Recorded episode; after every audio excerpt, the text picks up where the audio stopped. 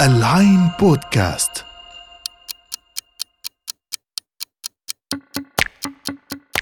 الساعة 25 الساعة اللي بتيجي بعد ما نقرأ نص أو نشوف فيلم. ونلف مع شخصيات خيالية برا الزمان والمكان. أنا سلمى أنور وحنتقابل أسبوعياً بالساعة الخمسة وعشرين.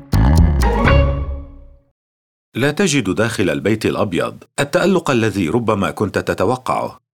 صحيح أنه مرتب لكنه متهالك. بل يشبه بيتا عتيقا كبيرا. قد يتخيل المرء أن الرياح تعصف به في ليالي الشتاء الباردة. المقطع المشاكس ده هو مقطع من الكتاب اللي حنقراه سوا في حلقة النهاردة وهو كتاب جرأة الأمل أفكار عن استعادة الحلم الأمريكي اللي دونه ألم الرئيس الرابع والأربعين للولايات المتحدة الأمريكية وأول أسود يقود البيت الأبيض بحد تعبير بعض الصحف الأمريكية وقت فوزه في السباق الرئاسي في 2008 الرئيس باراك أوباما. الحقيقة الكتاب حجمه مش صغير ومتشعب في مساحات مختلفة لكنه مع ذلك أغراني بالقراءة الكاملة وبمحاولة لملمته وضغطه في مساحة صغنونة زي مساحة حلقاتنا بدون إخلال أو هدر. ولو هنرسم خريطة عامة للكتاب فممكن نقول إننا إزاء ثلاث مسارات أساسية للي دونه أوباما تحت عنوان جرأة الأمل. مسار رئيسي بيلقي خلاله أوباما الضوء على بعض كواليس الحياة السياسية الأمريكية. مزاجها العام، جدالاتها، ظلالها على حالة المواطن، وأهم تحدياتها في عالم التغيرات الكبرى والمتسارعة، عالم العولمة الاقتصادية والتكنولوجية. ومسار آخر يتعلق بأوباما شخصياً، نشأته، تكوينه، حواره الداخلي، تصوراته عن ذاته بلون بشرته وتاريخ جماعته، وعن الدين والأسرة والمجتمع الأمريكي وطبعا علاقته بزوجته وبناته.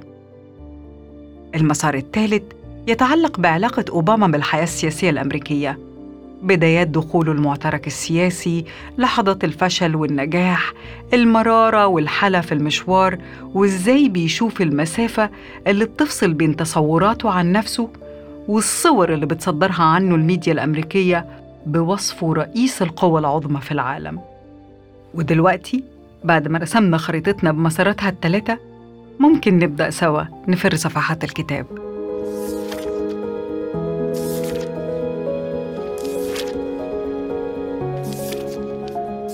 في عدد من فصوله الكتاب بياخدنا في جولات خاطفة متتالية في دهاليز السياسة الأمريكية وكواليس صناعة القرار من حيث وقف أوباما عبر سنوات يراقب ويشاغب ويقتنص الفرص. ويخطئ ويصيب أحيانا. بس قبل ما يشتبك مع المشهد السياسي الأمريكي أوباما بيعترف في تقديم كتابه بأنه مش كاتب ولا باحث محايد وإنما هو رجل سياسة له تحيزاته اللي بيعترف بيها. فمنظوره في الأول وفي الآخر هو منظور مواطن أمريكي أسود ينتمي للكتلة الديمقراطية.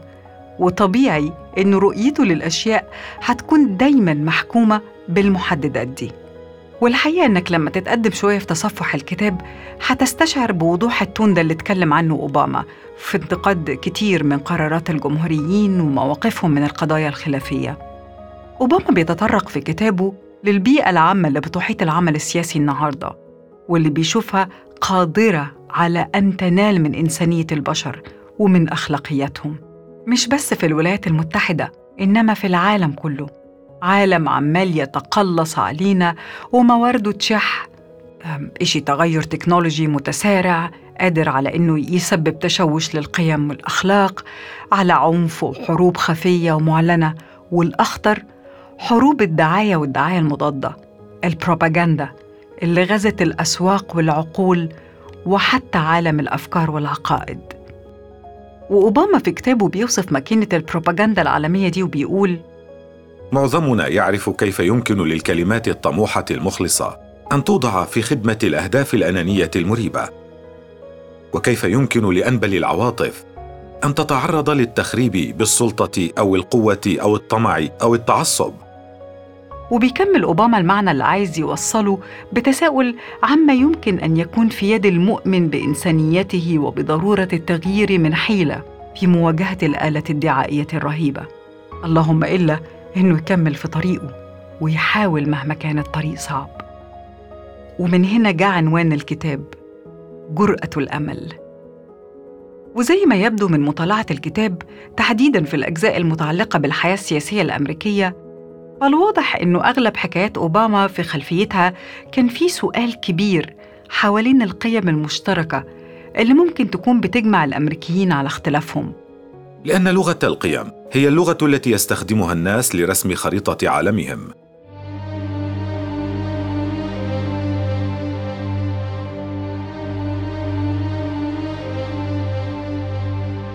في أجزاء تانية مهمة من كتابه بيستعرض أوباما بعض بنود الدستور الأمريكي وصلاحيات الرئيس في أوقات الحروب. ومدى أخلاقية أو لا أخلاقية بعض القرارات اللي ممكن يتخذها الرئيس على أساس السلطات الممنوحة له في الأوقات دي. وبيمر في الإطار ده على لقاءات جمعته بالرئيس الأسبق جورج بوش الابن وبيلقي الضوء على خلافهم حول إدارة عدد من الملفات السياسية والاقتصادية على رأسها ملف العراق. كمان بيحكي أوباما عن زيارته للمنطقة الخضراء في بغداد بعد الغزو وعن أحاديث جمعته بالجنود الأمريكيين هناك. زي ما بيحكي عن زيارته للأراضي المحتلة والحكايات اللي قال إنه سمعها من الجانبين عن النزيف المستمر والفقد والذكريات السليبة.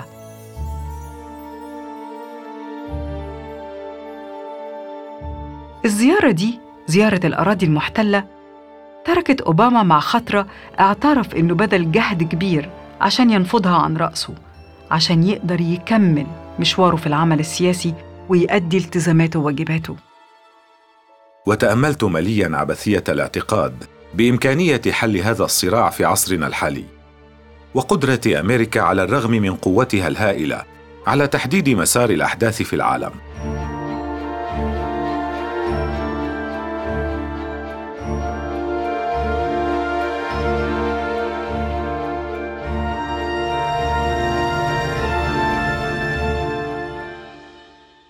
مقاطع الكتاب اللي بتتعرض لتكوين أوباما ونشأته وعلاقته بأسرته ربما تكون ألطف مقاطع في الكتاب الحقيقة خاصة إنه الغالب على مذكرات الساسة شرقاً وغرباً هو التركيز على كواليس العمل العام والمشاحنات الخفية والانتصارات اللي أحرزت في عهودهم. ونادراً ما بنشوف مذكرات الساسة بتتطرق للجوانب الشخصية وذكريات الطفولة والمراهقة أو للحظات الفشل والهزيمة. وهم حاجتين بيحكي عنهم أوباما في أجزاء معتبرة من كتابه. ونبدأ من إهداء الكتاب اللي أهداه أوباما. إلى الجدة صخرة الاستقرار. وإلى الأم التي ما زالت روحها المحبة تقدم لي الدعم والتشجيع والمحبة. ودي على فكرة مش هتكون المرة الأخيرة اللي هيجيب أوباما فيها سيرة أمه وجدته في الكتاب. لكن حيظل يشير لتأثيرهم في حياته مرة بعد مرة عبر فصوله. زي مثلا الأجزاء اللي بيتكلم فيها عن مراهقته وإزاي إن أمه غزت عنده ارتباط غامض بحقبة الستينيات وبالقيم اللي كانت سايدة في الفترة دي. قيم التغيير المجتمعي وقيم الثورة. وهو الارتباط بالمناسبة اللي ممكن يكون أحد أسبابه كمان إن أوباما ابن زواج مختلط بين رجل أسود وامرأة بيضاء. وده زي ما بيقول في كتابه كان سبب كافي عشان يخلي فرصه في التعليم والعمل وحتى القبول الاجتماعي والشخصي ضئيلة جدا. لولا التغيرات الاجتماعية الثورية اللي شهدتها فترة الستينيات.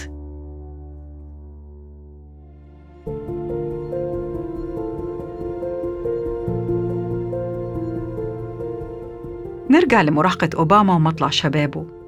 اللي واضح إنها كانت فترة من حياته مر خلالها بحالة اضطراب وصفها بالانغماس في شؤون الذات بل وتدمير الذات. وهي الحالة اللي شايف إنه ما خرجش منها إلا بحوار داخلي طويل وعميق وبالارتداد للقيم اللي استقاها من أمه وجدته فيما وصفه أوباما بأنه كان عملية بطيئة ومتقطعة لفرز المعتقدات. بالمناسبة أوباما نشأ في بيئة وصفها بأنها غير متدينة وإن كانت أمه حرصت منذ طفولته على تزويده بشيء من التعاليم الدينية.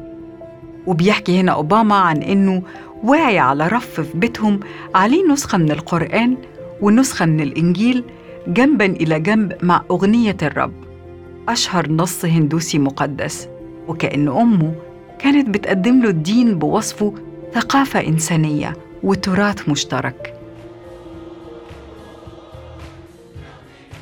لكن هو مع الوقت ومع تطور أفكاره ومواقفه سكنت نفسه للانتماء لكنيسة السود بتراثها المتمرد وتاريخها الثوري ونزوعها لتغيير المجتمع. لكن ومع ده الواضح من الكتاب إنه ظلت في نفس أوباما شكوك وأسئلة غير محسومة عن الموت وما بعده. ويمكن ده ظهر في حوار دار بينه وبين طفلته. اللي قالت له في ليلة قبل ما تنام إنها خايفة من الموت. فحضنها وقال لها إنه لسه أمامها مشوار طويل طويل قبل ما تقلق من الموضوع ده. ولما حس إن كلامه أرضاها وطمنها دخل هو في حوار مع ذاته وسأل نفسه. هل كان يجب أن أخبرها الحقيقة وأنني لست واثقا مما يحدث حين نموت؟ وأنني لا أعرف أين تذهب الروح.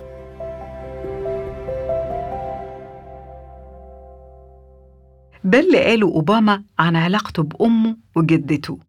فماذا قال عن زوجته؟ ميشيل. في الكتاب حكى أوباما عن ميشيل وعن أسرتها وعن أول لقاء جمعهم ببعض وعن فترة التعارف وبالمرة يعني حكى عن خناقات أول الزواج. وإزاي زوجته كانت بتخاصمه وبتعامله بجفاء فترات طويلة بسبب انشغاله المستمر بالعمل السياسي عنها وعن الطفلتين دون أن يفوته أن يعترف بالتقصير في حقهن. إنما الألطف من اعترافه بالتقصير هو وصفه لزوجته اللي وصفها في أحد المقاطع بأنها ذكية وساخرة وساحرة. وهي أيضا جميلة. لكن جمالها ليس من النوع الذي يخشى الرجال تهديده أو تنفر منه النساء بل هو جمال الأم والمرأة المهنية المنشغلة بالتزاماتها. وفي موضع تاني اتكلم عن إيمانه بمهاراتها وقدراتها لما قال عنها أنا أعرف أنها لو نافستني على أي منصب عام لما وجدت مشقة تذكر في الفوز علي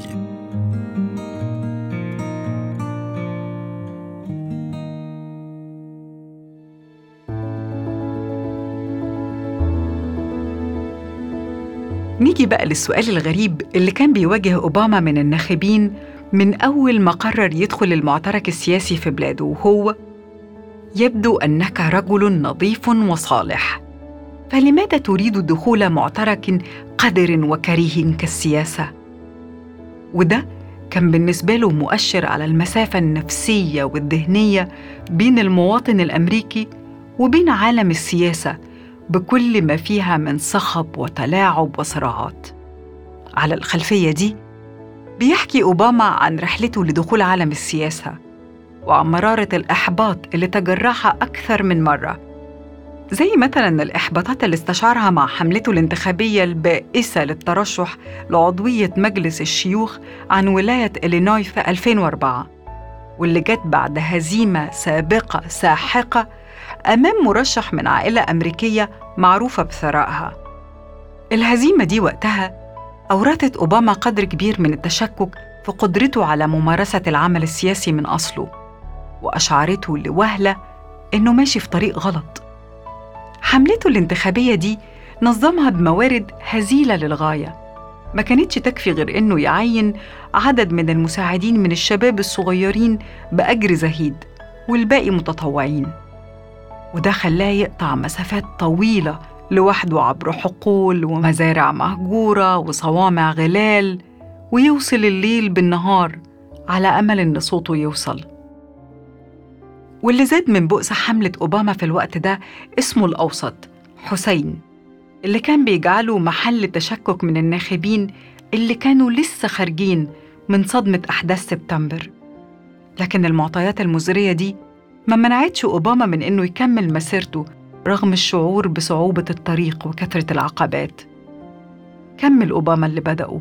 وكان الدافع عنده زي ما بيقول أكبر وأقوى من الإنهاك والإحباط. لأنه حتى في الأوقات دي اللي كان بيقضيها مرغم على الصمت كان في المقابل عنده فرصة أهم من ده وهي فرصة لإنه يسمع ينصت للناس في الشارع ولحكاياتهم. وعن ده بيقول أوباما إنه في الفترة دي سمع حكايات كتير جدا جدا. حكايات موظفين وربات بيوت وعمال اتسرحوا من مصانع أغلقت وحكايات ناس أكبر مخاوفها هي المرض. في بلد مش موفر لهم مظلة تأمين ورعاية طبية على قد الإيد. كمان كان في فرصة إنه يسمع من الناس أكتر عن ذعرهم من الإرهاب في الوقت ده. وعن رغبتهم في إلحاق أولادهم بالجامعة وعن ضيق ذات اليد وفقر المؤسسات التعليمية. وهنا بس أدرك أوباما إن في ناس محتاجة منه إن يكون صوتهم ويحاول يوصل حكاياتهم. وكتب في كتابه يقول شعرت بدافع لبذل جهد أكبر من أي جهد بذلته في حياتي. ومن هنا جاء اسم الكتاب. جرأة الأمل.